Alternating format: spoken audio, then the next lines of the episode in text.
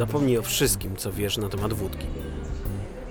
Przez kolejne 30 minut zamierzam rozprawić się z mitem naszego narodowego trunku i udowodnić Wam, że jest czymś zupełnie innym niż mogłoby się wydawać. A będzie to historia z Arabami, Polaroidem i szpiegami w tle. Zainteresowani? Cześć, ja nazywam się Przemysław Ziemichut, a to jest Strefa Wolnocłowa, czyli podcast o alkoholach i ich podróżach przez kraje, kontynenty i wieki. Dziś temat, e, od którego dość długo tak naprawdę w strefie wolnocłowej uciekałem, bo wydawał mi się zwyczajnie niewarty uwagi. Na wódce każdy nasz rodak świetnie się przecież zna. Przynajmniej na poziomie śmiesznych anegdotek o tym, kto ile wypił, jak bardzo go otrzepało i tak dalej. A mało kto w świecie mm, osób zainteresowanych alkoholami odczuwa ekscytację z powodu najnowszego produktu z rodzimej gorzelni. Chcę, abyśmy się zastanowili, dlaczego tak jest. Dziś rozprawię się z wyobrażeniami i anegdotkami. Przekopiemy się przez warstwy stereotypów, by zastanowić się, czy wódce jest coś więcej wartego uwagi niż tylko pijackie historyjki. Tym razem jednak nie chcę Wam przedstawiać e, historii tego alkoholu od zarania dziejów do dzisiaj. Raz, że jest to e, długa historia, a dwa, że o wódce już wielokrotnie opowiadałem Wam przy innych okazjach i jeszcze nie raz będę Wam o niej opowiadał. Dlatego odcinek ten będzie zawierał znacznie więcej niż zazwyczaj moich prywatnych przemyśleń oraz opinii. Niemniej będą to, mam nadzieję, ciekawe i ważne przemyślenia oraz opinie. Co zaś się tyczy e, historii, to darujmy sobie jakieś mniej więcej pięć wieków historii wódki i skupmy się na wieku XX. Szczególnie, że nie ma żadnego sensu w rozstrzyganiu tutaj sporu o to, kto wynalazł wódkę. Polacy, Rosjanie, Ukraińcy, Białorusini, Chińczycy. Pierwszymi, którzy skutecznie przeprowadzili proces destylacji, i to wiemy na pewno bez żadnej wątpliwości, byli Arabowie. Jeśli udało im się stworzyć przeźroczysty destylat o mocy około 40%, bez koloru i bez dominującego smaku czy aromatu, no to znaczy, że stworzyli oni wódkę. Niezależnie od tego, czy do celów kosmetycznych, czy do celów rozrywkowych. A Arabowie destylowali alkohol głównie po to, aby używać go w perfumach i robili to na wiele, wiele wieków przed tym, jak wódka pojawiła się na kontynencie europejskim. Początkowo w Europie wódka stosowana była jako lekarstwo do nacierania się, więc trudno jednoznacznie stwierdzić, gdzie tak naprawdę zaczyna się historia wódki, a kończą eksperymenty z etanolem. Zresztą, jakie to ma znaczenie? Czy ktokolwiek mówi Amerykanom, że bourbon jest gorszy niż whisky szkocka, bo został wymyślony później niż whisky szkocka? Albo czy ktokolwiek robi Anglikom wyrzuty z tego powodu, że ich gin wcale nie był oryginalnym ginem? Bo nie był oryginalnym ginem, odsyłam Was do odcinka trzeciego Strefy Wolnocłowej, gdzie możecie szerzej o tym posłuchać.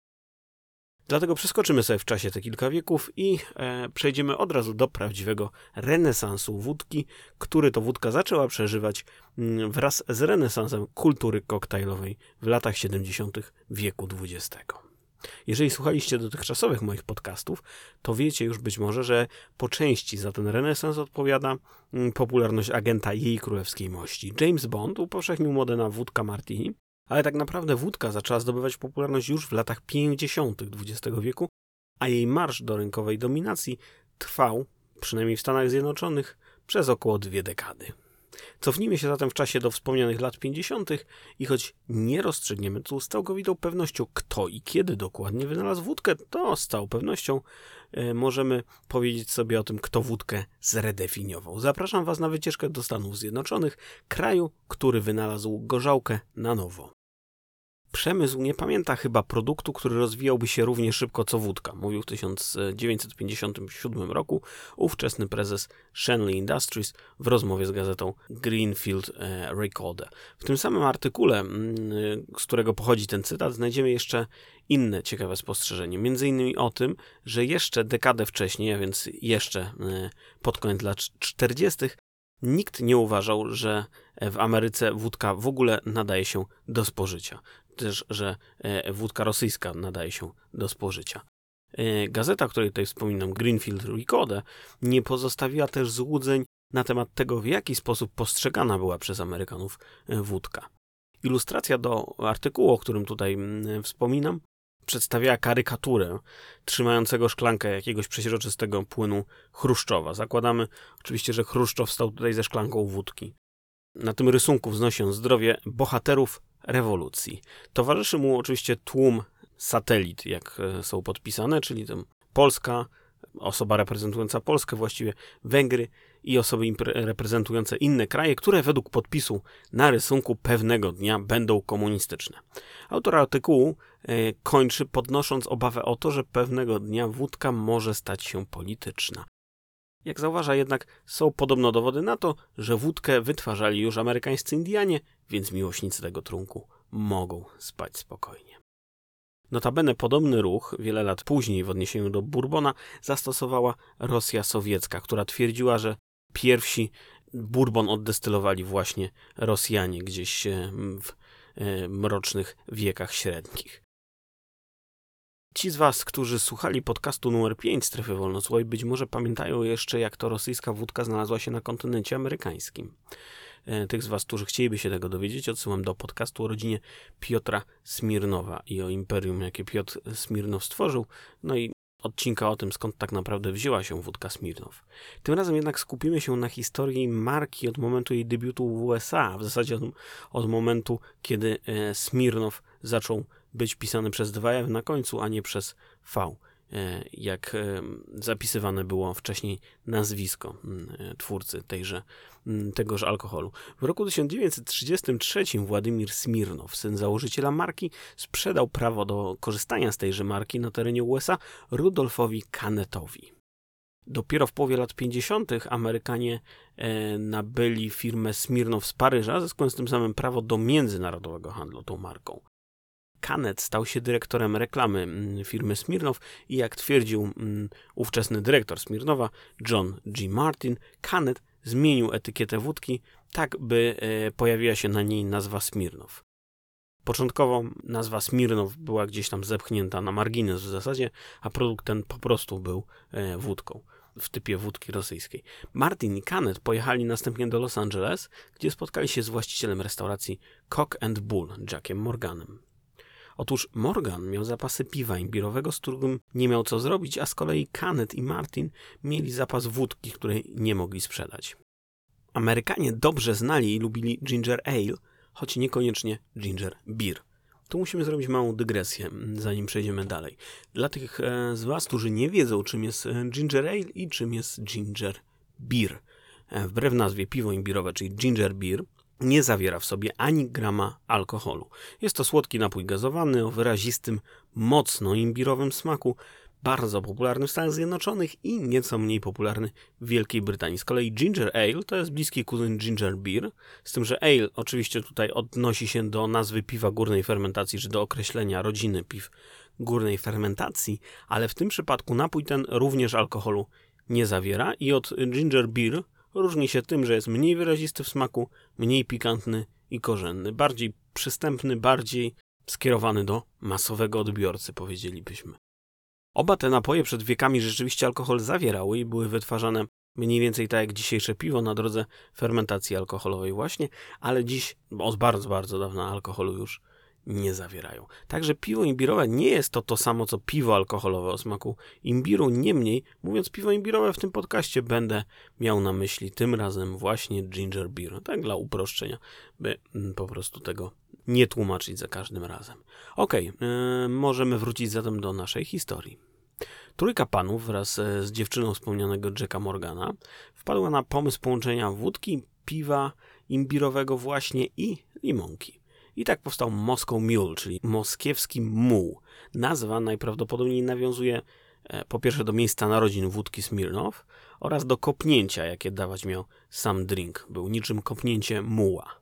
Co ciekawe, mm, sam drink pochodzi jeszcze z lat 40., zanim amerykański Smirnow zyskał prawa e, do sprzedawania marki na całym świecie. Niemniej drink początkowo nie okazał się w zasadzie zupełnie mm, żadnym sukcesem. Barmani wedle, wedle relacji samego mm, Martina nie chcieli nawet próbować tak zwanego rosyjskiego dynamitu, jak określali wódkę, w obawie po prostu, że padną trupem.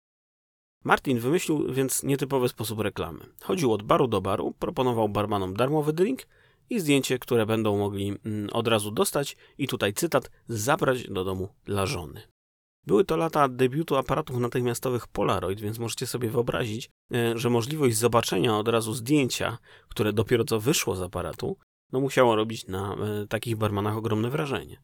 Martin wykorzystał to, robiąc e, swoim Polaroidem dwa zdjęcia. Jedno oddawał barmanowi, a z drugim szedł do następnego baru. Całą procedurę powtarzał i dzięki temu marketingowi tuptanemu, jakbyśmy powiedzieli, Smirnow zyskał swoją początkową sławę. Później Smirnow stworzył podobnież kolejne drinki, to znaczy Screwdriver, Bloody Mary, gdzie gin zastąpiono wódką, e, Gimlet i wiele innych. Tak przynajmniej sprawę przedstawia sam Martin, i najpewniej mija się z prawdą, przypisując Smirnowowi autorstwo koktajli, które no, w zasadzie istniały już przynajmniej od lat 30. w USA. Mam tutaj na myśli głównie krwawą Mary. Z kolei Screwdrivera wymyślili rzekomo robotnicy pracujący przy wydobyciu ropy, a zatem również nie był to mm, wymysł marketingowców e, firmy Smirnow. Ci wspomniani już e, robotnicy wlewali po prostu sok pomarańczowy do wódki, a w zasadzie wódkę do, do soku pomarańczowego czy pomarańczowego napoju w puszkach, by ukryć fakt e, picia w pracy. Mm, zresztą ten motyw będzie się jeszcze dość często przewijał w historiach o wódce. No i robotnicy, jak to robotnicy, nie mieli czym pomieszać swojego drinka, więc mieszali go po prostu śrubokrętem, screwdriver, stąd nazwa e, koktajlu. Nawet mm, jeśli ledwie połowa z tych mm, wymienionych tutaj koktajli zostałaby wymyślona przez popularnego producenta wódki, to i tak wystarczyłoby, aby pchnąć cały segment rynku w kierunku ogromnej sprzedaży. Dosyć wcześnie zresztą Smirnow zrozumiał, że sukces sprzedażowy nie leży w samym produkcie, a w jego połączeniu z innymi składnikami właśnie w drinkach. Dlatego skupmy się tutaj raz jeszcze na Stanach Zjednoczonych. Dlaczego? Pamiętajmy, że w Europie Wschodniej e, wódka była elementem kultury, czymś tak oczywistym jak chleb i ogórki kiszone. W USA był to trunek zupełnie nieznany albo kojarzony z komunistyczną Rosją, najgorszym wrogiem kapitalistycznego świata. Zresztą do dzisiaj dziedzictwo tego stereotypu możecie jeszcze dostrzec w nazwach popularnych koktajli i to nie tylko tych e, na wódce, choć na wódce głównie. E, Moscow Mule, Bałałajka, ale też White Russian, Black Russian, Wszystkie te nazwy nawiązują do e, rosyjskiego dziedzictwa wódki właśnie. Fakt, y, że w takim właśnie kraju, przy takiej sytuacji politycznej wódce udało się przeskoczyć wszystkie amerykańskie alkohole w ilości sprzedawanych butelek, że udało jej się zdobyć tak silną pozycję na rynku, to świadczy tylko o tym, jak ważny jest właściwie budowany PR i marketing. Przez zaledwie 10 lat, między rokiem 1948 a 1958, budżet reklamowy producentów wódki wzrósł z 25 tysięcy dolarów do 8 milionów dolarów. Przez, przypominam, zaledwie 10 lat. No cóż, opłaciło się. Drugim, e, obok potencjału do tworzenia koktajli, atutem wódki był jej smak. Właściwie brak smaku, bo Początki reklamy Smirnowa były nawet opatrzone takim hasłem Smirnow biała whisky, bez zapachu i smaku. I wierzcie lub nie, ale właśnie to przyciągnęło do tego alkoholu tak wielu klientów. I to jest dobry moment, abyśmy porozmawiali nieco o technologii wytwarzania wódek. Zarówno whisky, jak i wódka mogą powstawać z dokładnie tych samych surowców. Zresztą często dokonuje się takiego mm, e, zrównania gdzieś e, porównując wódkę właśnie, czy proces wyrobu wódki z wyrobem alkohol, innych alkoholi zbożowych, czyli głównie de facto whisky. Tradycyjnie do wyrobu wódki używa się albo ziemniaków, albo zbóż, żyta, jęczmienia, pszenicy lub przężyta. Do wyrobu whisky z kolei możecie użyć dodatkowo kukurydzy oraz słodu jęczmiennego, ale należałoby powiedzieć przede wszystkim słodu jęczmiennego w przypadku e, whisky typu single malt. Notabene istnieją też e, wódki produkowane ze słodu jęczmiennego, no ale są one zdecydowaną niszą. Najczęściej właśnie producenci decydują się na wykorzystanie tych kilku zbóż, o których tutaj wspomniałem. Niemniej już whisky typu blended czy bourbon nie muszą tak bardzo różnić się składem zacieru od e, wódki. Zatem gdzie występują tutaj różnice? Wódka wytwarzana jest ze spirytusu rektyfikowanego i rozcieńczonego następnie do zadanej mocy. Destylacja, jak wiecie z innych moich odcinków, nie tylko zwiększa moc alkoholu, ale też pozbawia go części smaku i aromatu. Dlatego też nie da się zrobić 90% whisky, niezależnie od tego, że pewnie e, straciłaby ona swoją moc w drodze dojrzewania w berce, to nigdy nie miałaby ona charakteru typowego dla whisky. To jest tutaj zasadniczym problemem. To znaczy, taka whisky nie podkreślałaby rodzaju surowca, z którego alkohol ten został wykonany. Dlatego też kraje produkujące whisky, tradycyjnie produkujące whisky jak Szkocja, Ameryka itd., tak definiują dość skrupulatnie nie tylko minimalne stężenie alkoholu w butelkowanej whisky, ale też maksymalne stężenie alkoholu, który trafia do beczek, e, zanim jeszcze ten alkohol w ogóle stanie się e, whisky. Bardzo łatwo przekonać się o tym, jak mocno wódka i whisky się różnią, sięgając po trunki z e, kategorii tzw. Tak white dog. W skrócie mówiąc, są to whisky, zanim jeszcze staną się whisky a więc destylaty, które przeszły już cały proces destylacji, ale nie przeszły dojrzewania w dębowych beczkach. Tak samo jak e, nie przeszła go wódka, bo wódka nigdy tego procesu, czy też najczęściej tego procesu dojrzewania nie przechodzi. Jednak głębia smaku i aromatu E, takich white dog, tych tak zwanych białych psów, e, jest bez porównania większa od głębi smaku i aromatu najlepszej nawet wódki. Dlatego też w definicji naszego narodowego trunku możecie znaleźć taki zapis, że jest to destylat o neutralnym smaku i zapachu. Niemniej smak, albo jak to woli charakter wódki, bo często zamiast mówić o smaku wódki, mówimy o charakterze, właśnie dlatego, że ten smak jest na tyle efemeryczny. Niemniej daje się go bez problemu opisać. Tomasz e, Mielcarz, szef baru w restauracji Zoni w Warszawie, powiedział kiedyś w ten sposób: Gdyby wódka nie miała smaku, wszyscy pilibyśmy jej jeden rodzaj i nie spieralibyśmy się o marki, które preferujemy. I to uważam jest e, całkiem niezłe podsumowanie. Oczywiście na wybór wódki wpływają także takie czynniki jak nie wiem, wygląd etykiety, reklama, rekomendacje znajomych i sporo innych czynników, ale trudno odmówić rozumowaniu szefa baru w Zoni sensu. Wódka żytnia na przykład będzie miała wyraźnie pikantny posmak, nuty ciemnego chleba, nuty pieprzu.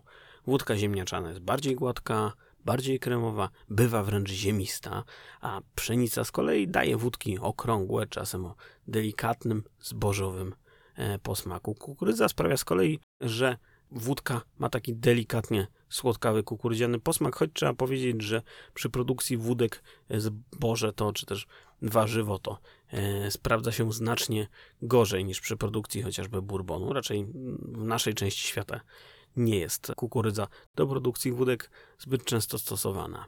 Wódki z winogron z kolei też będą miały taki słodkawy charakter, ale już nie zbożowy, a wyraźnie owocowy i wyraźnie będzie się tam e, dało to wyczuć, wyraźnie będzie się dało wyczuć właśnie mm, e, owoce. I można by jeszcze wymieniać wódki orkiszowe, wódki produkowane z prosa, wódki produkowane z gryki, wódki produkowane z przężyta. Smak wszystkich wymienionych tu destylatów nigdy nie będzie jednak tak silny i tak wyrazisty jak smak whisky czy koniaku.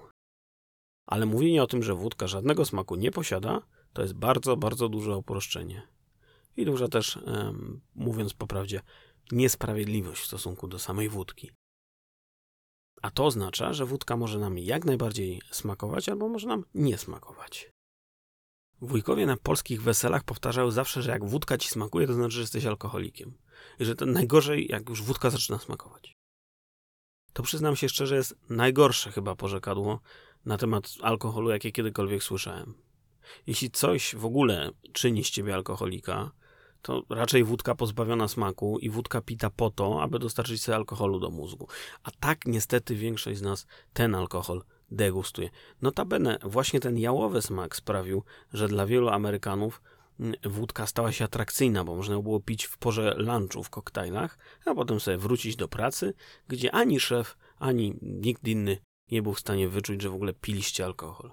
Podobny model konsumpcji stosowano zresztą w perowskiej w Polsce, tylko tu oczywiście nie mówimy o koktajlach i lunchach, bo na koktajle i lunche nikt y, tu głowy ani pieniędzy po prostu nie miał.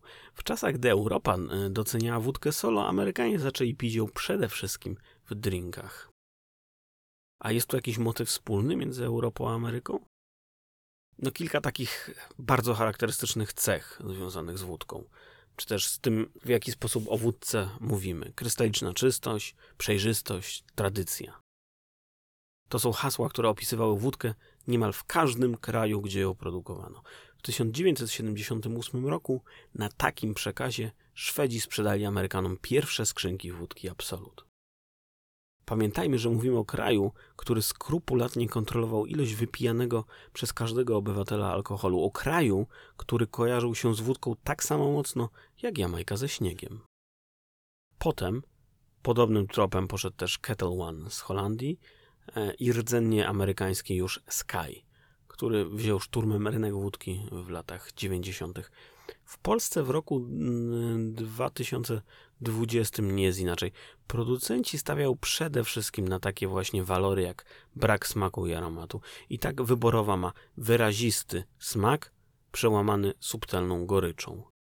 Luksusowa ma wyjątkowy charakter, Sobieski ma wyjątkowo zbalansowany smak, Baczeski ma niezwykle łagodny smak, a Belweder dystynktywny smak i charakter. Pan Tadeusz jest kompleksowy orzeźwiający, Bocian to niezwykła łagodność, no i tak mógłbym jeszcze długo, ale powiem szczerze, niewiele z tego rozumiem. Co by się stało, gdyby wódka miała smak? Taki rodzaj wódki to już definicyjnie nie jest wódka, to raczej okowita, czyli nieoczyszczony destylat. Oczyszczony oznacza w tym wypadku pozbawiony większości aromatów, ale też pozbawiony e, wielu niepożądanych substancji, pozbawiony oleju fuzlowego, pozbawiony zanieczyszczeń, pozbawiony, no w takim najbardziej ekstremalnym przykładzie oczywiście, pozbawiony na przykład metanolu czy innych szkodliwych substancji, ale tych szkodliwych substancji nie ma już po, po którejś destylacji, gdy odbieramy okowite, gdy oczyszczamy destylat poprzez rektyfikację, a więc destylujemy go do bardzo wysokich stężeń, no to znika także niestety smak i aromat. Oczyszczony dlatego więc e, alkohol nie zatruje nas metanolem, nie sprawi, że znajdziemy olej fuzlowy czy fuzle między zębami, no ale też nie znajdziemy w takim alkoholu już zbyt dużo smaku.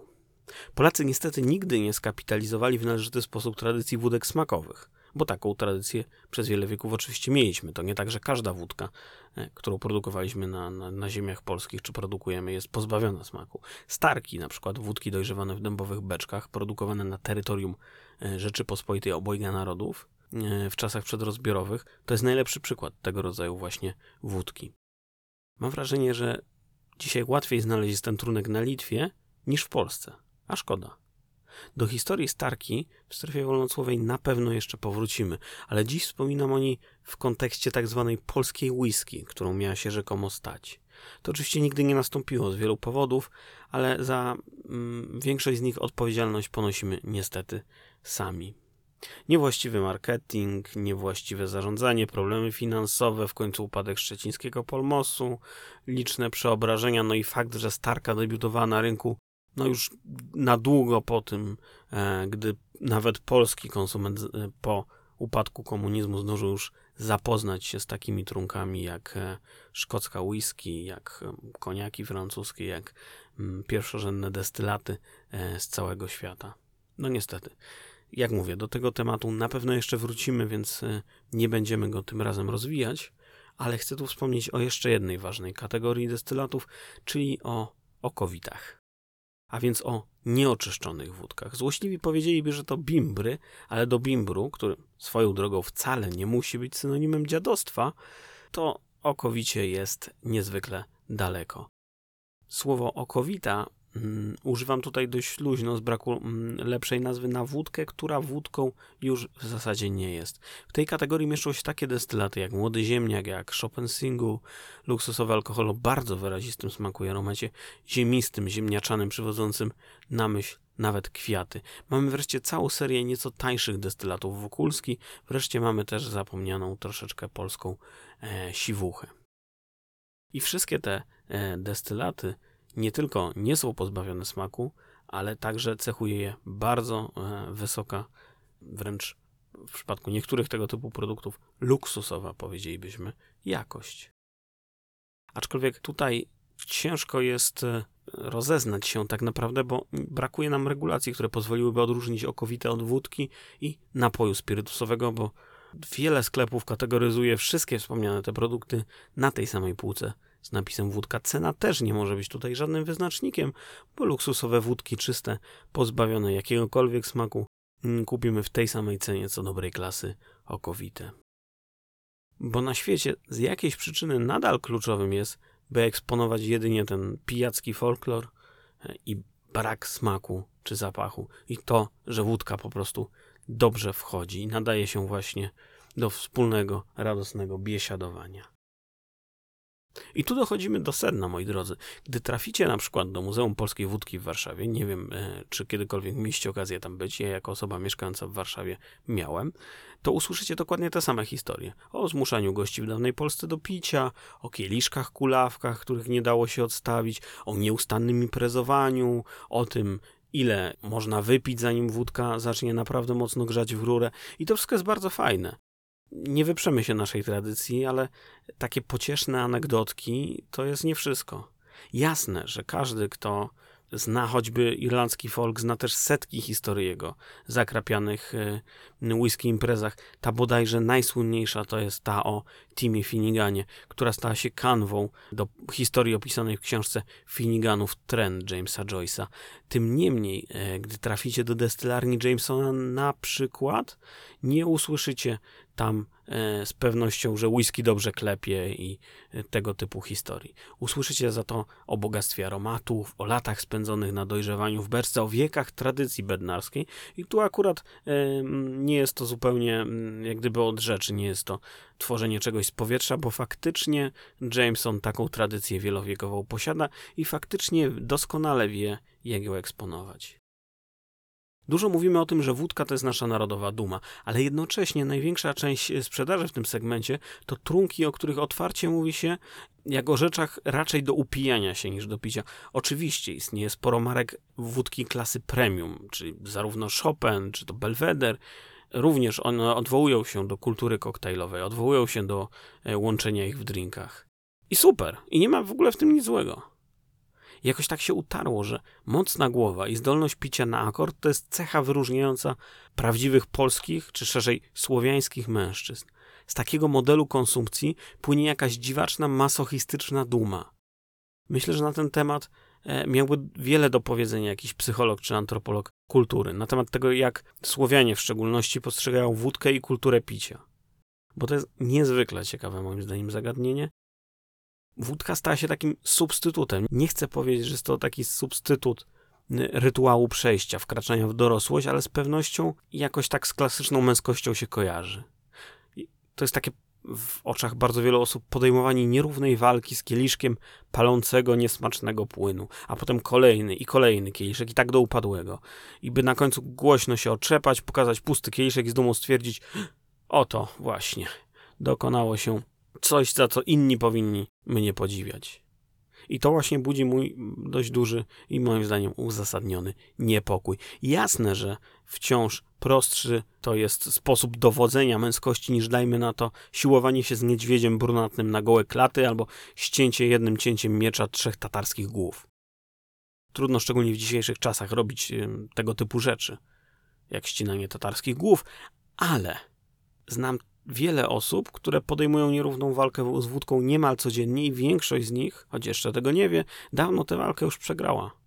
A też pewnie zaczynali od takiego wzorca męskości. Od właśnie takiego postrzegania picia jako heroicznego czynu prawdziwego faceta.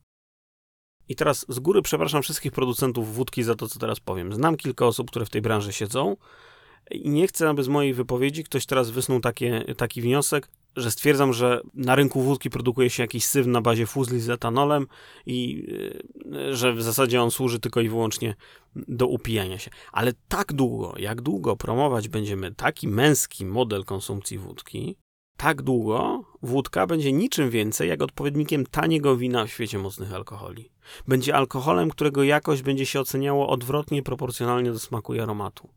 Pamiętacie tą anegdotkę, że jak wódka zaczyna wam smakować, to jesteście alkoholikami? No właśnie o to chodzi. Znacie kogoś, kto by powiedział, że mu tanie wino smakuje? Im mniej smaku, tym więcej jakości. Dlatego właśnie wspominam o producentach wódki, bo nie jest ich winą do końca, że siedzą w branży, która tradycyjnie wygląda już w ten sposób. W branży, w której należy się szczycić tym, że produkujemy wodę z dodatkiem etanolu. Ognistą wodę. Tyle, że mamy rok 2020 i odczuwanie dumy z tego, że ktoś wypił pół litra i stoi, jak onegdaj śpiewał Kazimierz Staszewski, jest delikatnie mówiąc słabe. A sugerowanie, że wódka gładko wchodzi, to sugerowanie konsumentowi, że warto się nią upić, bo nie trzeba podejmować z nią walki, bo przechodzi przez gardło jak woda, bo nie zawadza nam w procesie upijania się. Nie staje pomiędzy nami a stanem nietrzeźwości. Nie chcę, abyście odnieśli wrażenie, że oto jakiś przypadkowy koleżka z internetu teraz, jak to się dzisiaj modnie mówi, masakruje wódkę i będzie orał 500 lat tradycji polskiego gorzelnictwa. Więc powiedzmy to sobie wprost. Nie ma nic złego w tym, że wódka nie ma smaku. Ale nie ma też nic szczególnie podniecającego. Tak jak nikt nie będzie dumał nad smakiem serka do kanapek czy wody mineralnej. Każdy z tych produktów też ma oczywiście doklejoną piękną opowieść, ale nikt szczególnie się tą opowieścią nie przejmuje. Dlatego Polska nigdy nie stanie się światowym potentatem w produkcji serków, albo sadzenia szparak, albo zbierania porzeczek. Znaczy, może się stanie potentatem, ale świata tym nie podbijemy, nie podbijemy tym serc konsumentów na całym świecie. Przepraszam, ale nikogo porzeczki nie jarają. I tak samo polska wódka, która dzisiaj zdaje się dostawać zadyszki. Nie zbuduje sobie renomy wokół hasła nie mam smaku, mam tradycję. Co możemy zrobić, by się tak nie stało, zapytać. Wódka jest napit napitkiem, moim zdaniem, w tej wersji, w, jaką, w jakiej ją znamy, jest napitkiem stricte do drinków. Powiedzmy to sobie uczciwie, za dwa, trzy pokolenia model biesiadowania ze zmrożoną, czystą e, wódką zacznie odchodzić do lamusa. Część z konsumentów przejdzie do segmentu destylatów premium. Najpewniej whisky. Część odejdzie w kierunku drinków na bazie wódki. Ci, którzy zostaną przy takim modelu picia, zostaną przy nim no, z braku alternatyw, być może z braku pieniędzy, Choć jeśli okaże się, że w miejsce wódki pojawią się tańsze alkohole, które za mniej pieniędzy potrafią dostarczyć dokładnie tę samą ilość promili y, alkoholu do krwi, to i ci konsumenci zapewne odejdą od takiego modelu picia. A wódka będzie już mogła tylko między sobą konkurować na rynku ceną. Im tańsza, tym lepiej się będzie sprzedawała. Ale zakładam, że skoro dzisiaj mnie słuchacie, to należycie do tych, którzy w gorzałce szukają czegoś więcej. A nie tylko tego, żeby dobrze trzepała i grzała w rurę, jak to się potocznie mówi. By to coś więcej wydobyć, musicie zapomnieć przede wszystkim o mrożeniu wódki. Wódki próbujemy jak każdego innego alkoholu mocnego w temperaturze pokojowej. Nigdy jej nie chłodzimy, a już na pewno jej nie zamrażamy. Jeśli chcecie poznać smak wódki, zmieszajcie ją właśnie w takiej temperaturze pokojowej z wodą w proporcji pół na pół. Ja wiem, że dla tego klasycznego męskiego modelu picia na akord na kieliszki to brzmi jak herezja. I z góry mogę wam też powiedzieć, że jeśli będziecie szukać głębi smaku, raczej się rozczarujecie, ale z pewnością poczujecie więcej niż e, pijąc w taki tradycyjny sposób. Tym niemniej, o ile różnica między najtańszym na przykład a najdroższym piwem w sklepie będzie istotnie duża, a whisky za 30 zł i whisky za 300 zł to będą dwa różne światy, dwie różne bajki. O tyle w przypadku wódki różnica będzie znacznie bardziej subtelna i do tego stopnia subtelna, że wiele osób pewnie nawet nie zorientuje się pijąc wódkę w ślepym teście, że wypiło trunek 4, 5, 10 razy droższy od przeciętnej 40% czystej. No chyba, że sięgniecie po którąś z okowid, czyli wódek jednokrotnie destylowanych, czy dwukrotnie destylowanych w każdym razie nierektyfikowanych, które w myśl przepisów prawa wódkami de facto nie są. Tu charakter destylatu czuć znacznie mocniej, bo jest nierektyfikowany. To, co sprawia, że nie jest to wódka, jednocześnie czyni z tego mm, alkoholu alkohol potencjalnie bardzo ciekawy dla konsumenta. Niezależnie od tego, na co się zdecydujecie, spróbujcie nie pić na akord w szotach w temperaturze bliskiej 0 stopni. I to już dobry krok na początek. Jeśli szukacie jakichś ciekawych drinków na bazie wódki, to polecam wam wpis na foodiesworld.pl pod tytułem Drinki z wódką. W tym odcinku to już jest tyle. Przekazałem wam całkiem sporą porcję e, swoich przemyśleń. Całkiem emocjonalną, mam wrażenie, porcję swoich przemyśleń, ale jest to temat e, w jakimś sensie mi bliski, bo od wielu lat, gdy obserwuję rynek wódki, to gdzieś czuję takie ukłucie zazdrości, że Brytyjczycy, szeroko mówiąc, czy wężej Szkoci, Amerykanie, Francuzi, wszyscy oni, Włosi, mają jakieś swoje destylaty, alkohole mocne. Brazylijczycy i kaszasa, Meksyk i Meksykanie i tequila. A w Polsce jakby mamy tą wódkę, niby z tego jesteśmy znani na całym świecie, ale co za tym idzie? Możecie się z moją opinią zgadzać, możecie się nie zgadzać.